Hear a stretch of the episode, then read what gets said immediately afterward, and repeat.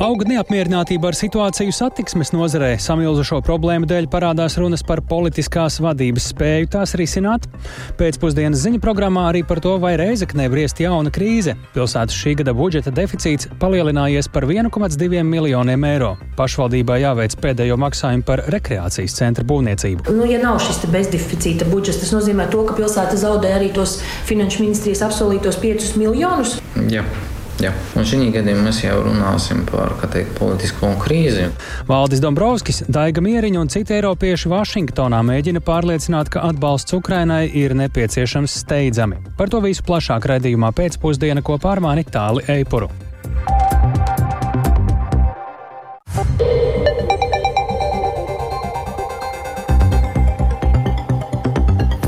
Pūkstens rāda 16,5 minūtes, skan pēcpusdienas ziņu programma, skaidrojot šodienas svarīgus notikumus. Studijā Tāls Eipurs. Labdien! Dažādu samilzušo problēmu dēļ aug neapmierinātība ar satiksmes nozares politisko vadību. Viens no iemesliem ir sarežģījumi ar jauniem elektrovilcieniem. Valdošajā koalīcijā no progresīvo pārstāvju Kaspara Brīškena sagaida skaidrus plānus un tiem sola arī atbalstu. Politikas vērotāji gan saskata arī ministra nomaiņas scenāriju. Vairāk Jāņa Kīņš ierakstā. Pagājušajā nedēļā satiksmes ministrs Kaspars Briškens no progresīvajiem pēc sarunas ar valdības vadītāju saņēma uzdevumu par skaidriem risinājumiem jauno elektrovilcienu kavējumu jautājumā. Drīz sekoja ziņas par uzņēmumu pasažieru vilciens padomus atkāpšanos, kā arī Briškena ierosinātā disciplināra lietu satiksmes ministrijas valsts sekretārei par Rail Baltica problēmām. Škoda vagonka elektrovilcienu sarežģījumu risinājumu tuvāko divu mēnešu laikā. Vienlaikus ministrs jau runā par plānu B veco elektrovilcienu kapitāliem remontam. Gan elektrovilcienu problēmām, gan Real Baltica iekavētajiem procesam, gan nu pat arī Latvijas pasta plāniem slēgt vai reorganizēt vairāk nekā simts nodaļu ir senāka vēsture par esošā ministra pilnvarām. Savukārt premjeras rīkojums ministram gan ir skaidri norāda uz problēmām viņa darbā. Tā vērtē politikas vērotājs Dans Titovs. Man it kā tieši Briškanam par to atbildēt nevajadzētu, bet viņa haotiskā rīcība un nespēja novadīt šos procesus, kas patreiz notiek, tā var izsaukt vēlmi pieprasīt ministra demisiju. Savukārt ministra demisija, protams, ka var izraisīt uh, uh izmaiņas koalīcijā. Pirmais solis demisijas pieprasīšanai ir pieprasījums konkrētai rīcībai. Bet, ja premjerministrē nākās pieprasīt konkrētu rīcību, tas nozīmē, ka viņa jau pasaka, ka konkrētas rīcības brīžkanam nav. Arī valdības koalīcijā no nozares ministru un ministrijas sagaida konkrētāku rīcību, taču par kādiem demisijas pieprasījumiem nerunā. Turpina jaunās vienotības saimnes frakcijas vadītājs Edmunds Jurēvits. Skaidrs, ka liela daļa šīs problēmas nav viņa izraisītas, vai tas ir bijuši, teikt, no pagātnes, bet mēs visi sagaidām aktīvu ministru rīcību arī ar skaidru plānu, lai šīs problēmas eh, risinātu. Katrā ziņā es uzskatu, ka koalīcijā darbs eh, notiek koleģiāls, un arī šīs problēmas mēs varam tā godīgi apspriest. Es domāju, ka ministrs arī ir apņēmības pilns šīs problēmas risināt, tā kā es šobrīd neredzu iemeslu, lai jebkādā veidā domātu par ministru nomaiņu. Par neatliekumu rīcību satiksmes ministrijas pāraudzības jomā runā arī kādreiz ilgadējais satiksmes ministrijas valsts sekretārs un vēlāk arī ministrs Andrijs Matīs. Matīs. Viņš Latvijas pasta plānu ar laiku slēgt vai reorganizēt 105 no kopumā 176 pasta nodaļām raksturo kā nepieņemamu. Līdzīgi rīkoties plānoja arī Matīs ministra pilnvaru laikā, taču to neatbalstīja, jo īpaši attālākos reģionos pasta nodaļās gan izsniedz pensijas, gan apmaksā rēķinus. Tās masveidā slēgt būtu nepareizi arī tagad, jo īpaši pierobežā, uzsver bijušais ministrs.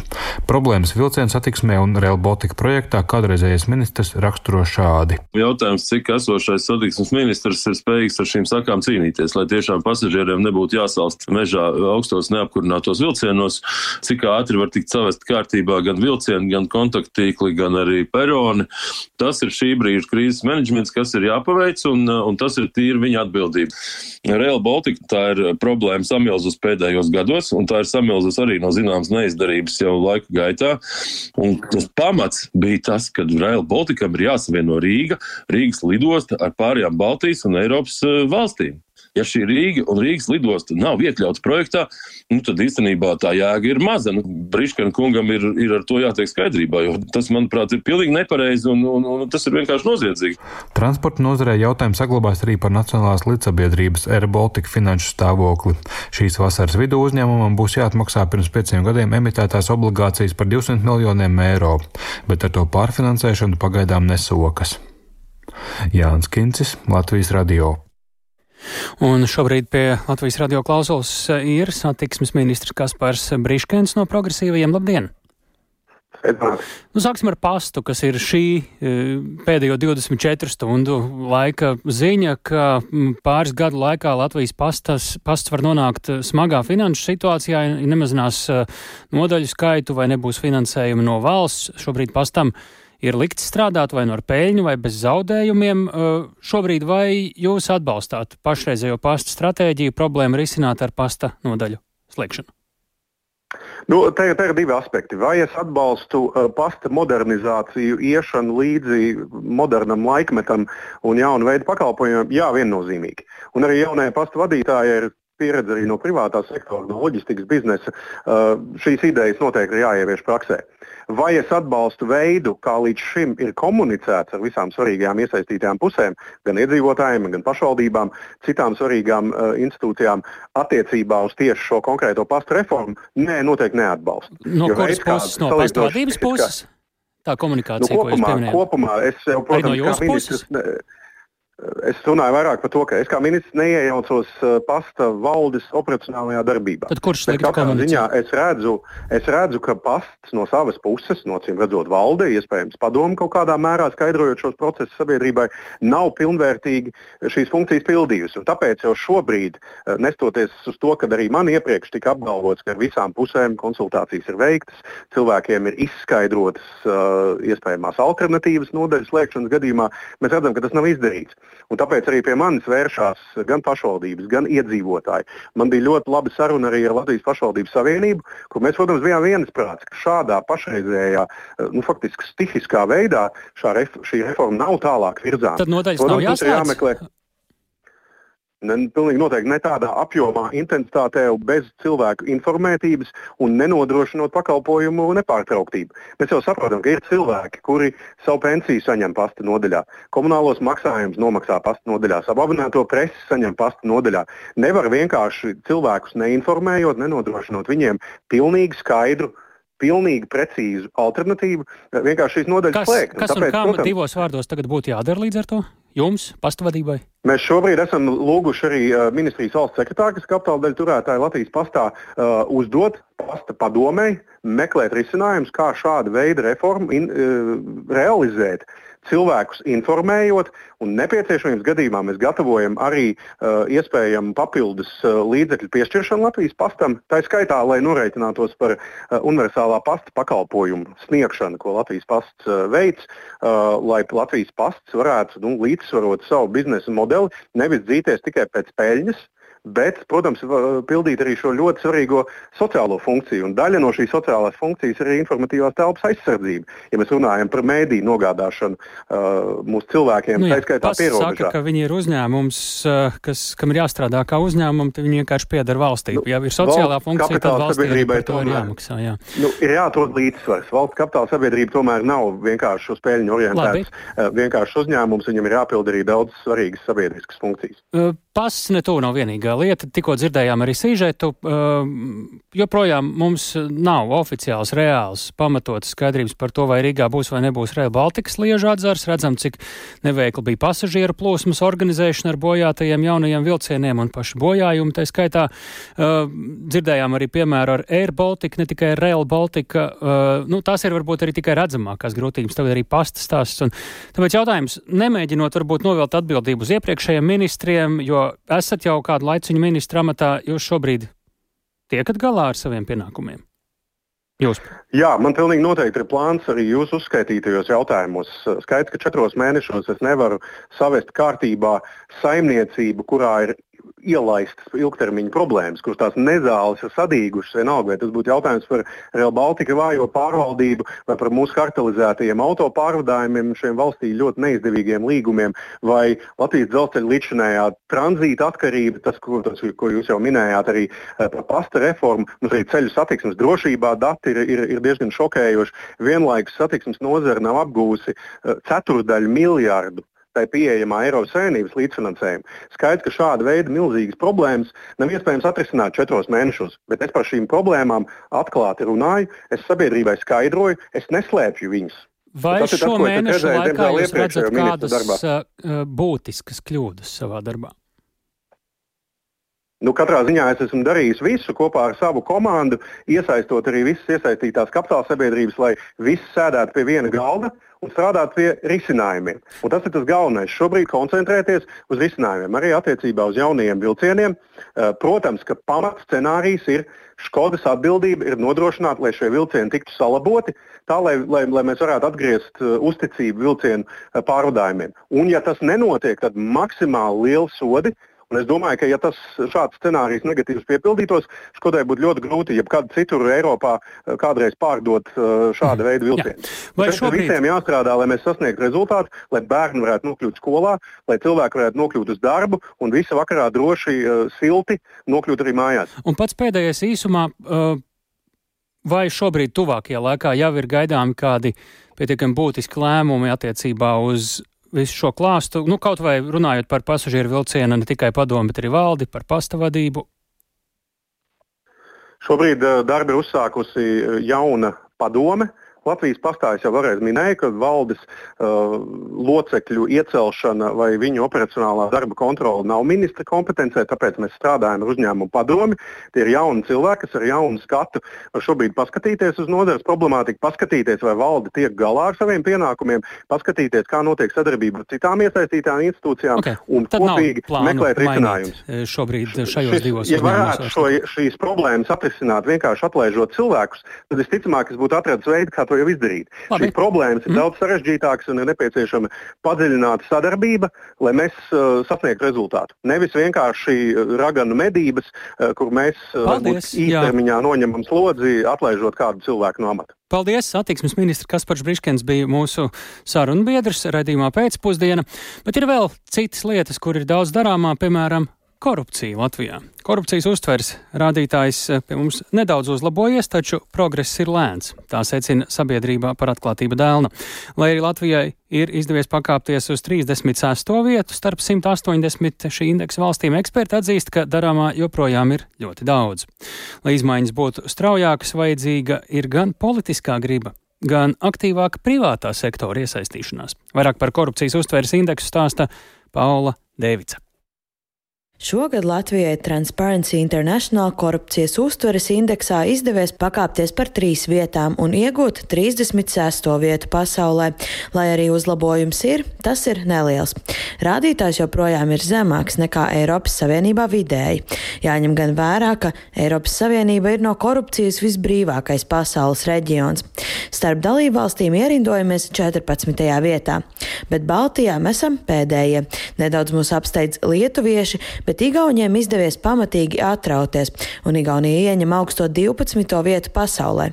Sabiedrībā par atklātību dēlna skaidro, ka Latvijas progress ir pārāk lēns, turpina direktore Inese Tauriņa. Protams, neatlaidīgs uzlabojums un lēns uzlabojums cīņā ar korupciju Latvijā notiek, Nu, taču, kā mēs redzam, gan no šiem salīdzinājumiem ar kaimiņiem, arī ar citām Eiropas valstīm, mēs noteikti varam labāk. Un atbildi šeit ir divas. Viens ir tāpēc, ka mēs redzam, ka mūsu citas Eiropas Savienības valsts arī uzrāda labākus rezultātus. Eiropas Savienības un OECD vidējais rādītājs ir labāks, bet vēl mēs varam labāk, jo mēs zinām konkrētus darbus, kas ir jāizdara gan valdībai, gan lēmumu pieņēmējiem, kurus uh, vajadzētu izdarīt. Topa līderos ir Dānija, Somija, Jaunzēlande, arī Norvēģija un Zviedrija un citas attīstītās valstis. Taču korumpētākās valstis pasaulē ir Somālija, Venecuēla un Sīrija. Dēlnai gadu sniedz rekomendācijas, kā rezultātu uzlabot. Tomēr tās fundamentāli nav mainījušās, jo nopietni uzlabojumi ciņā ar korupciju nenotiek, tā vērtē eksperti. Viena no būtiski uzlabojumām lietām ir likumi. Daži jāievieš, citi jāuzlabo. Piemēram, būtisks ir pērni ieviestais lobēšanas atklātības likums. Tomēr joprojām ir daudz neskaidrību, kā praktiski likuma normas izpildīt. Turpina Dānas padomas priekšsēdētāja Evita Goša. Ēna ekonomikas apkarošanas kontekstā mums tikko ir taps plāns, Mēs zinām, ka korupcijas kontekstā mums arī ir plāns, bet kopumā eh, mēs zinām arī to, ka, man, manuprāt, gadu vai divus mums nebija nekāda plāna, ja, un tur mēs skaidri un gaiši redzējām to, ka trūkst politiskās gribas šos jautājumus risināt. Un atkal mēs atgriežamies pie ēnu ekonomikas. Tur arī gadu gaitā mēs esam redzējuši politiskās gribas trūkumu, meklēt patiešām būtiskus risinājumus. Tātad būtiska loma ir politiskajai gribai. Eksperti uzsver arī publiskā un privātā sektora atbildību, proti uzņēmumos jāveicina nulles tolerances kultūra un caurspīdīgums. Akciju sabiedrības valsts nekustamie īpašumi valdes priekšsādātājs Renārs Griškevičs skaidro, ka, lai uzlabotu iekšējo kultūru uzņēmumos, nepieciešams spēcīgs līderis, kurš var paust stingru pretkorupcijas nostāju. Nu, ja vadība netic korupcijas eh, novēršanas riskiem, nulles tolerancei un citām vērtībām, nu tad eh, ļoti grūti būs panākt jebkāda veida pārmaiņas arī šo. Un tālāk jau mēs runājam par procedūrām, eh, politikām, kontrolas mehānismiem, apmācībām tā tālāk. Latvijas Nacionālajā attīstības plānā ir izvirzīti mērķi jau nākamajā gadā korupcijas uztveres indeksa rezultātu palielināt par četriem punktiem, bet 2027. gadā par septiņiem punktiem. Taču skatoties progresa tempu, tas visticamāk nebūs iespējams, tā vērtē eksperti. Paula Dēvica, Latvijas radio. Aizvadītā gada 11 mēnešos no Krievijas Latvijā ievesti graudaugu produkti 68 miljonu eiro vērtībā. Tas ir mazāk nekā gadu iepriekš, tad tie bija 78 miljoni eiro, tā liecina Centrālās statistikas pārvaldes dati. Te atgādina, ka valdošā koalīcija nesen vienojās aizliegt Krievijas un Baltkrievijas graudu importu Latvijā. Politiķi gala lēmumu saimā gan sola vēl tikai februārī. Graudu audzēšanas kooperatīvās sabiedrības VAKS valdes priekšsēdētājs Indulis Jansons norāda, ka lēmums e, jau bija jāpieņem laikus. Tas nav godīgi gan pret lauksaimniecību, gan pret sabiedrību. Mēs tiekam mazliet mānīti visticamāk. Un kas vēl nav patīkami, kad mēs par šo lietu jau runājam kopš oktobra. Patiesībā jau kopš pērnā pavasara, kad nav laba situācija. Tad tādas, nu, iespējams darbības, ja tur viss ir kārtībā, es neko nesaku, bet neizskatās tad tikai tagad, janvāra beigās, tas nozīmē, ka mēs ļoti maz rēķinamies ar Latvijas lauksaimniecību. Pirmkārt, mēs esam zaudējuši milzīgi daudz laika, un ar visu šo importu, un ieskaitot tranzītu, tas nav korekti. Tik tālu tātad runājot par graudu importu Induls Jansons, bet zemnieku saimas valdes priekšsarātais Joris Lazdiņš uzskata, ka lēmums par importu aizliekšanu ir novēlots. Rīt lauksaimnieki ar zemkopības ministru Armandu Krauzi apspriedīs gan šo, gan citus jautājumus, kas iepriekš radīja liels diskusijas slampē lauksaimnieku ārkārtas sanāksmē. Sliktais priekš tā viss ir tas, ka nu, viņš deklaratīvi šobrīd ir pieņemts, juridiski nav. Manuprāt, tas nav pieņemami, tur ir jābūt lēmumam uzreiz.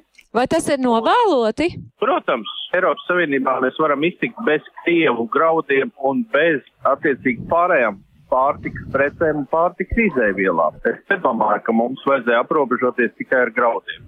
Jo nenoliedzami tur ir apakšā aprēķini, visticamāk ir konsultācijas ar iesaistītajām pusēm un importu pārvērst par tranzītu, manuprāt, tā nav nekāda problēma. Un uh, deklarācijās uzrādīt, ka tie nav Krievijas graudi, bet Kazahstānas graudi arī nav problēma. Līdz ar to piepildās Ciliņas vārdi, ka lēmums ir pieņemts, bet viņa funkcionalitāte nebūs tā, ko mēs gaidījām. Ja mēs konceptuāli vēlamies to, ka Eiropā nav Krievijas pārtikas preču izcelsme netiek importēta, tad tādam tam arī vajadzētu būt lēmumam, kaut vai Latvijas līmenī. Vienīgais, ko mēs varam, mēs varam atteikties no šo preču pārvietošanas arī tranzītā caur Latviju. Tā mēs varam atteikties. Neapkalpojam Krievijas uh, vagonu vai preces, kas ir vagonos. Jā.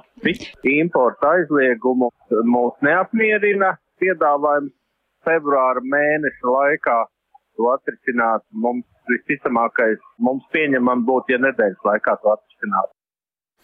Tā zemnieku saimnes valdes priekšsādātājs Juris Lazdiņš, bet uh, viņu iztaujāja Sandra Dieziņa. Atgādinām, ka Eiropā šobrīd nerimst lauksaimnieku protesti. Kāda būs Latvijas zemnieku turpmākā rīcība, būs skaidrs tuvāko nedēļu laikā. Bet turpinot raidījumu pēcpusdienu, NATO un Eiropas, kā arī Baltijas valstu politiķi Vašingtonā cīnās par atbalstu Ukrainai, Rēzeknes pašvaldība pretēji uzdevumam mazināt budžeta deficītu to varētu palielināt vēl vairāk, un izraudzīts gada vārds, nevārds, pārnotais teiciens un jaunvārds. Šie un citi temati raidījumā pēcpusdiena tuvākajās minūtēs.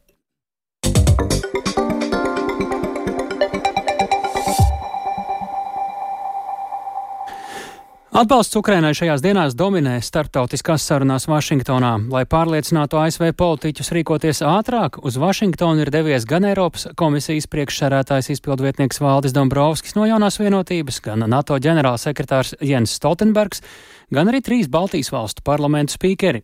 Vašingtonā ir arī mūsu korespondents Arčuns Konohaus. Ar viņu esam sazinājušies tieši redzē Arčum. ASV kongresis mēs uh, esam jau mēnešiem, gandrīz jau varam teikt, sekojuši līdzi šim procesam kavējas ar atbalstu Ukrainai. Atgādini, cik uh, nu, īsumā vispār ir iespējams, kādēļ tā?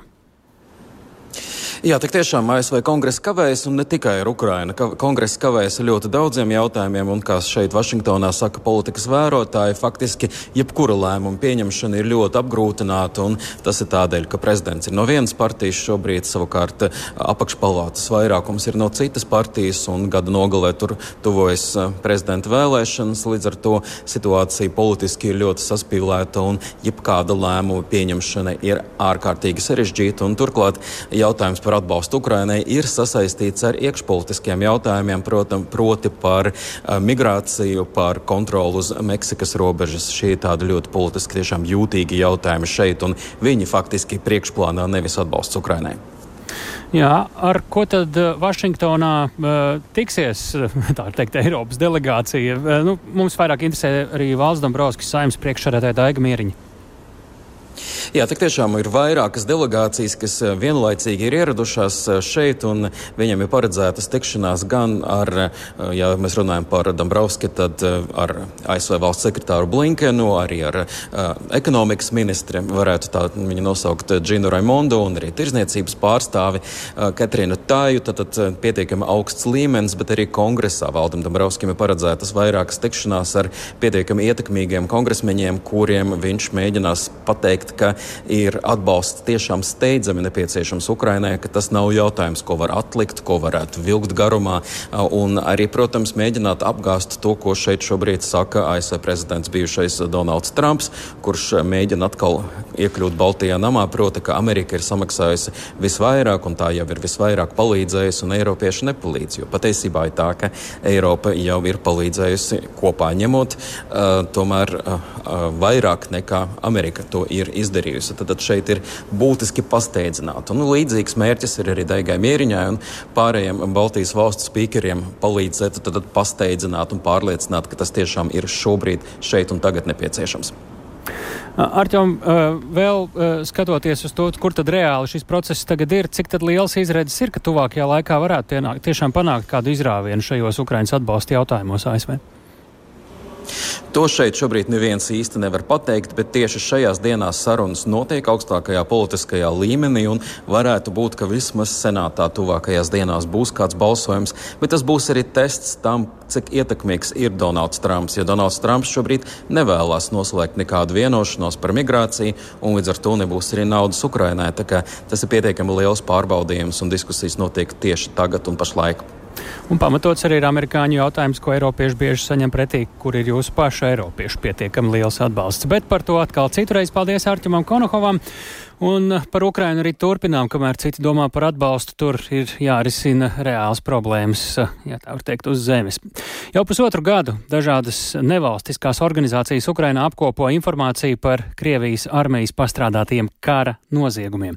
Atbrīvotajās teritorijās šobrīd ir apzināts 423 civiliedzīvotāju un gūstekņu spīdzināšanas vietas, un daļā gadījumu sākusies arī vainīgo saukšana pie atbildības.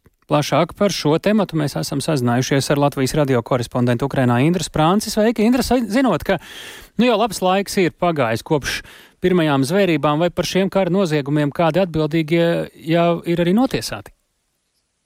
Labdien, jā, neskatoties uz kara stāvokli, Ukrainas tiesības sargi patiešām arī strādā pie tā, lai izmeklētu un saukt pie atbildības šos uh, cilvēkus, kas pastrādājuši zvērības pret civiliedzīvotājiem un arī kara gūstekņiem. Uh, tas ir Ukrainas iekšējais process, te mazliet paskaidrošu, ka paralēli tam, ko Ukraina mēģina panākt starptautiskajā līmenī, tātad, lai kara noziedznieki visaugstākajā līmenī tiktu saukt pie atbildības, vienlaikus Ukrainā arī iekšēji tiek izmeklēti šie krimināli procesi un saukt pie atbildības tie, kas šeit pastrādājuši pastrādājuši šos noziegumus.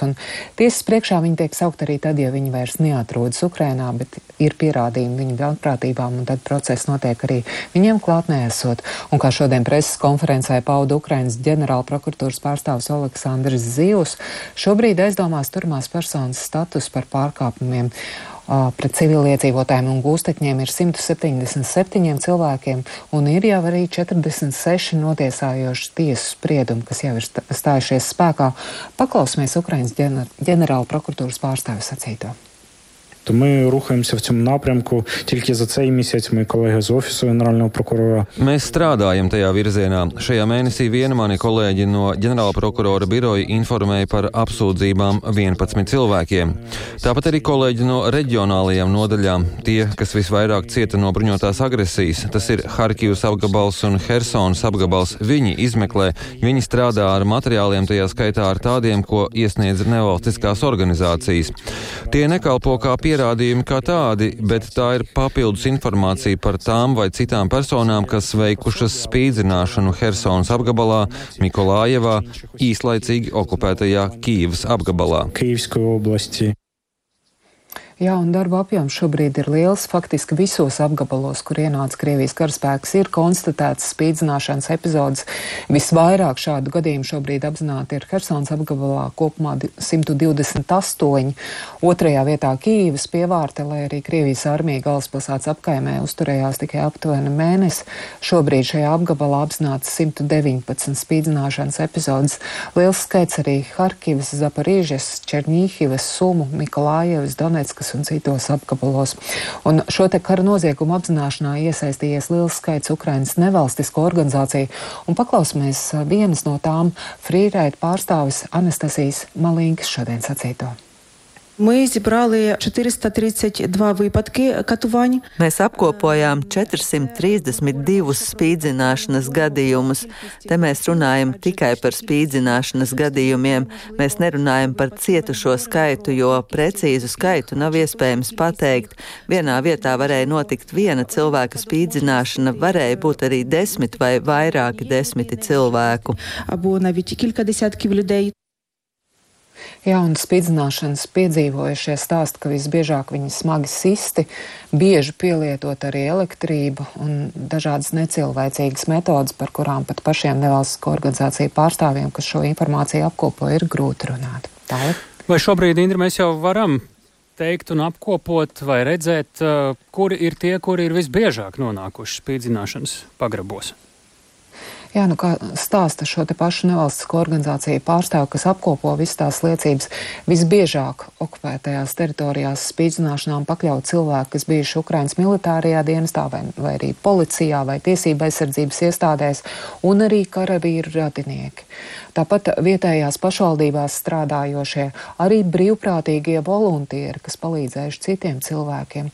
Un atsevišķos gadījumos arī noteikti profesija pārstāvtā, piemēram, okupētajā Zaporižas atomu atomelektrostacijā cilvēki spiest strādāt viņa labā. Nu, tādā veidā panākts tas, ka viņi sadarbojas. Bet daudz cilvēki Krievijas karaspēkam ienākot arī vienkārši, mēs atceramies, vienkārši bez jebkāda iemesla tika nošauti. Un um, iepriekš citas nevalstiskās organizācijas bija saskaitījušas šādu mērķtiecīgi nogalinotos uh, vairāk nekā 800 cilvēkus visā Ukrainā. Un tas ir neskaitot tos, kas katru dienu iet bojā Krievijas raķešu uzbrukumos pa Ukrainas pilsētām. Tā kā darbs pie šo pierādījumu vākšanas šajos noziegumos turpinās, Ukraiņi joprojām nav zaudējuši cerības, ka šie kara noziegumi tiks izskatīti starptautiskā tribunālā un Krievijas augstākā vadība tiks saukt pie atbildības, jo nu, pretējā gadījumā šādu noziegumu nesodīšana varētu dot zaļo gaismu to atkārtošanai arī citvieta. Paldies, Indra Sprānce, tieši redzi no Kijivas par Krievijas paveiktiem kara noziegumiem Ukrainā, spīdzināšanu un līdzīgi. Atgriežamies šeit Latvijā. Valsts ir gatava finansiāli palīdzēt uz bankrota sliekšņa nonākušajai Rēzeknes valsts pilsētas pašvaldībai ar 5 miljonu eiro aizdevumu tikai tad, ja spēs sagatavot pašvaldība, spēs sagatavot bezdeficīta budžetu šim gadam.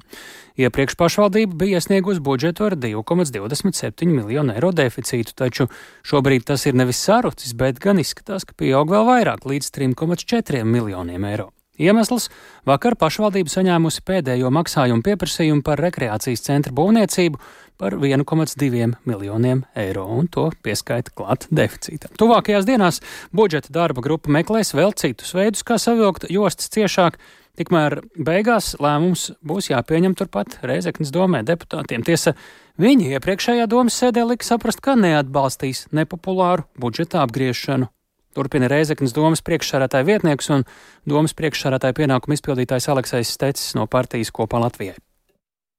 Pēc mūsu aprēķina tas pēdējais maksājums ir 1,2 miljoni, kurus mums bija jāmeklē kārtējā gada budžeta, ņemot vērā esošo iztrūkumu. Mums būs vēlreiz jāpārskatā iespējamas ekonomijas avotus un jāizdiskutē ar deputātiem, jo visas piedāvātas iniciatīvas, lai viņus ievestu, būs vajadzīgi domas lēmumi. Pagājušajā nedēļā mēs jau izskatījām brīvas iniciatīvas atcelšanu, atvaļinājumu pabalstu atcelšanu. Deputāti to neatbalstīja. Nu, ja nav šis bezdeficīta budžets, tas nozīmē, to, ka pilsēta zaudē arī tos finanšu ministrijas apsolītos 5 miljonus. Jā, jā. un šī gadījumā mēs jau runāsim par teikt, politisko krīzi. Lūk, tā Reizeknas pašvaldības vadītājs. Šobrīd pievēršamies dzīvnieku tematikai Latvijā.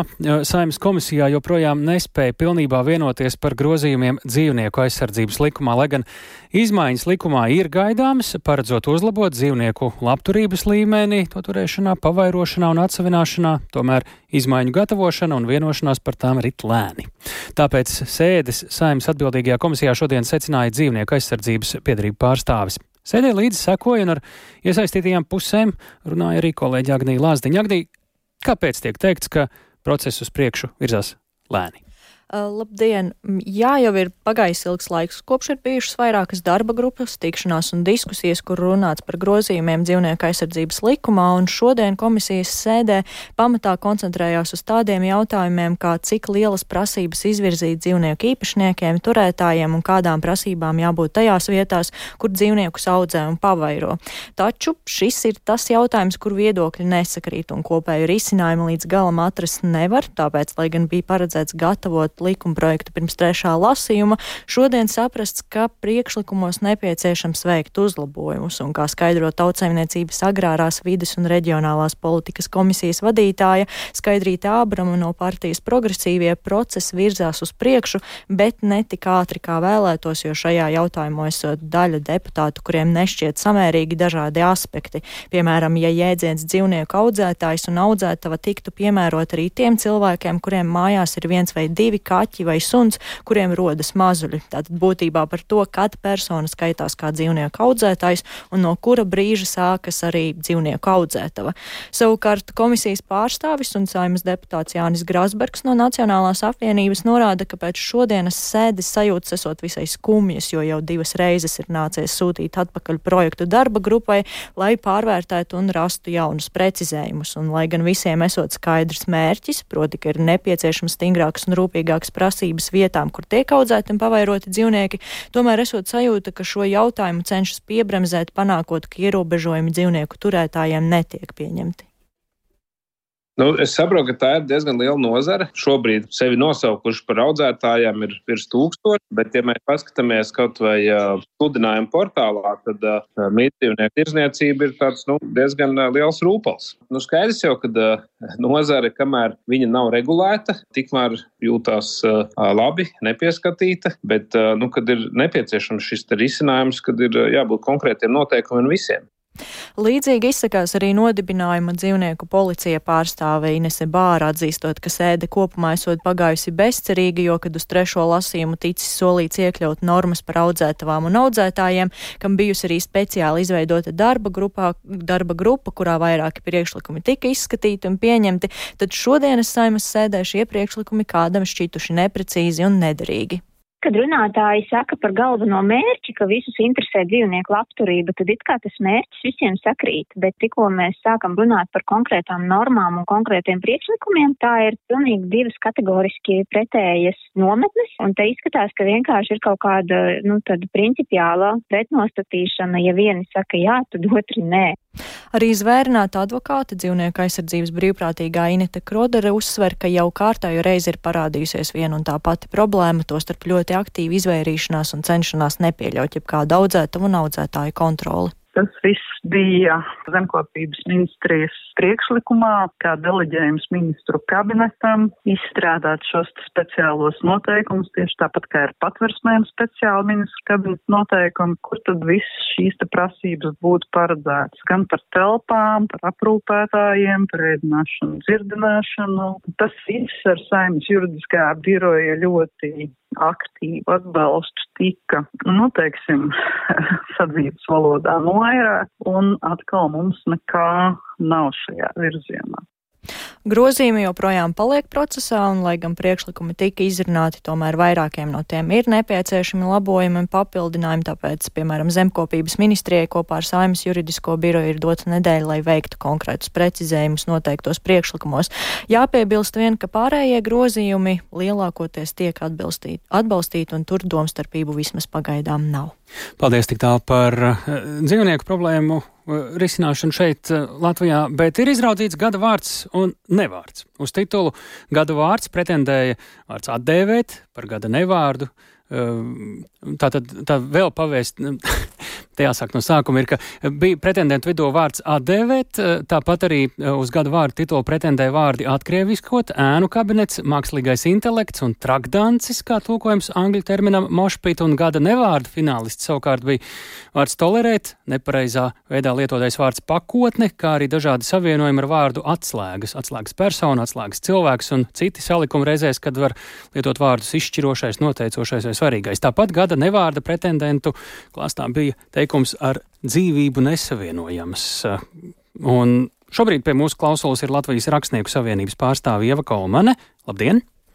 Labdien! Un klausītāji droši vien tie, kuri vēl nav dzirdējuši, gribētu no jums dzirdēt, kurš tad vārds ir atzīts par gada vārdu, kurš par gada nevārdu un kāpēc? Mm. Nu, jau, man liekas, kopš šodienas pusdienu laika jau tas ir zināms. Sabalsojām, kā sabalsojām, nebija atkal tā, ka visa žūrija būtu bijusi vienisprātis. Viena daļa no mums bija mazliet skumja, ka mākslīgais intelekts nav ticis pie gada vārda goda, bet nominēts bija, bet par gada vārdu sabalsoja kopumā vārdu atdēvēt. Tas tika uzskatīts par labu vārdu jaunai, kāda, jaunai nozīmē, kas arī raksturoja visnotaļ 2023. gadu. Tas ir atdot kaut kam atpakaļ vēsturisko nosaukumu ielām, vēl kaut kam citam. Gada nevārds? Nevārds ir atkal diezgan klasiski, nevietā lietots svešvārds. Nevārds ir tolerēt, kuru varētu diezgan jauki arī latviešu tomēr uh, aizvietot ar, izmantot, vai runāt latviešu un teikt, paciest, pieciest, pieļaut. Būt iecietīgam un līdzīgi. Tā ir tā, jā. jā. Mm, tik tālu par gadu vārdu un nevārdu. kas ar citām kategorijām? Gada savārstījums, pārnotais teiciens, gada jaunvārds. Mums nav daudz laika, bet ieskicējam, lūdzu. Jā, mums ir daudz to kategoriju, jau kategoriju skaita aug. Uh, savāstījumi ir uh, tādi uh, publiskajā telpā pamanīti muģekļi, kur nevar saprast, cilvēks pats nav sapratis, ko ir gribējis teikt, vai arī pateicis vienkārši neveikli tā, ka citi nesaprot. Nu, un tur mums ir. Sakām uzvarētājs. Latvijas. Pārējo jau cilvēku atradīs. uzvarētājs ir raksta nosaukums Dakteris Žņauda un Sita kur nevar saprast, vai dakteri bija tie, kuri žņaudz, vai tie, kuri žņaudz. Ja? Jā, vajag Aha. lasīt rakstu. Lūdzu. Jā, labi. Un pie jaunvārdiem arī ir ienākuši vis visādi, bet tur vislabāk Tā jau tagad pazuda sāļvira beidzās. Tā bija ieteikts saļānkas vietā. Aha. Jā. Nu, arī nu, nav tā, ka visiem ārkārtīgi patika, jo dažiem, dažām labam asociējās ar to sāls putru, kas uz ielām ir. Mm -hmm. Šobrīd Jā, mums jau 20 sekundes vietas pārnotajam teicienam. Pārnotais teiciens. Uh, nu, te bija daudz, es skatos. Likumus, jā, spārnotais teiciens. Uh, vai tie, kur man palika tā reanimācija. Te vēl bija arī savārstījums, ja mēs, par, ja mēs runājam par primāro veselības aprūpi, tad ir jāatzīst, ka šeit jā. vairs nav ko reformēt, bet vajag reanimēt. Jā, nu, jā. jā tas ir tas pārnotais teiciens, tā jā. reanimācija. Jā. Labi, liels paldies! To mēs sakām Ievai Kalmanei. Šis bija ziņu raidījums pēcpusdiena. To veidojām mēs tāls Eipors Lauris Zvēnieks, arī Ulds Grīmbergs, Mārtiņš Paeglis. Ja vēlties šo pārraidi dzirdēt sev ērtā laikā, meklējiet dienas ziņas Latvijas radio mobilajā lietotnē un straumē straumēšanas platformā. Tiekamies rīt pēc ziņām 16.5.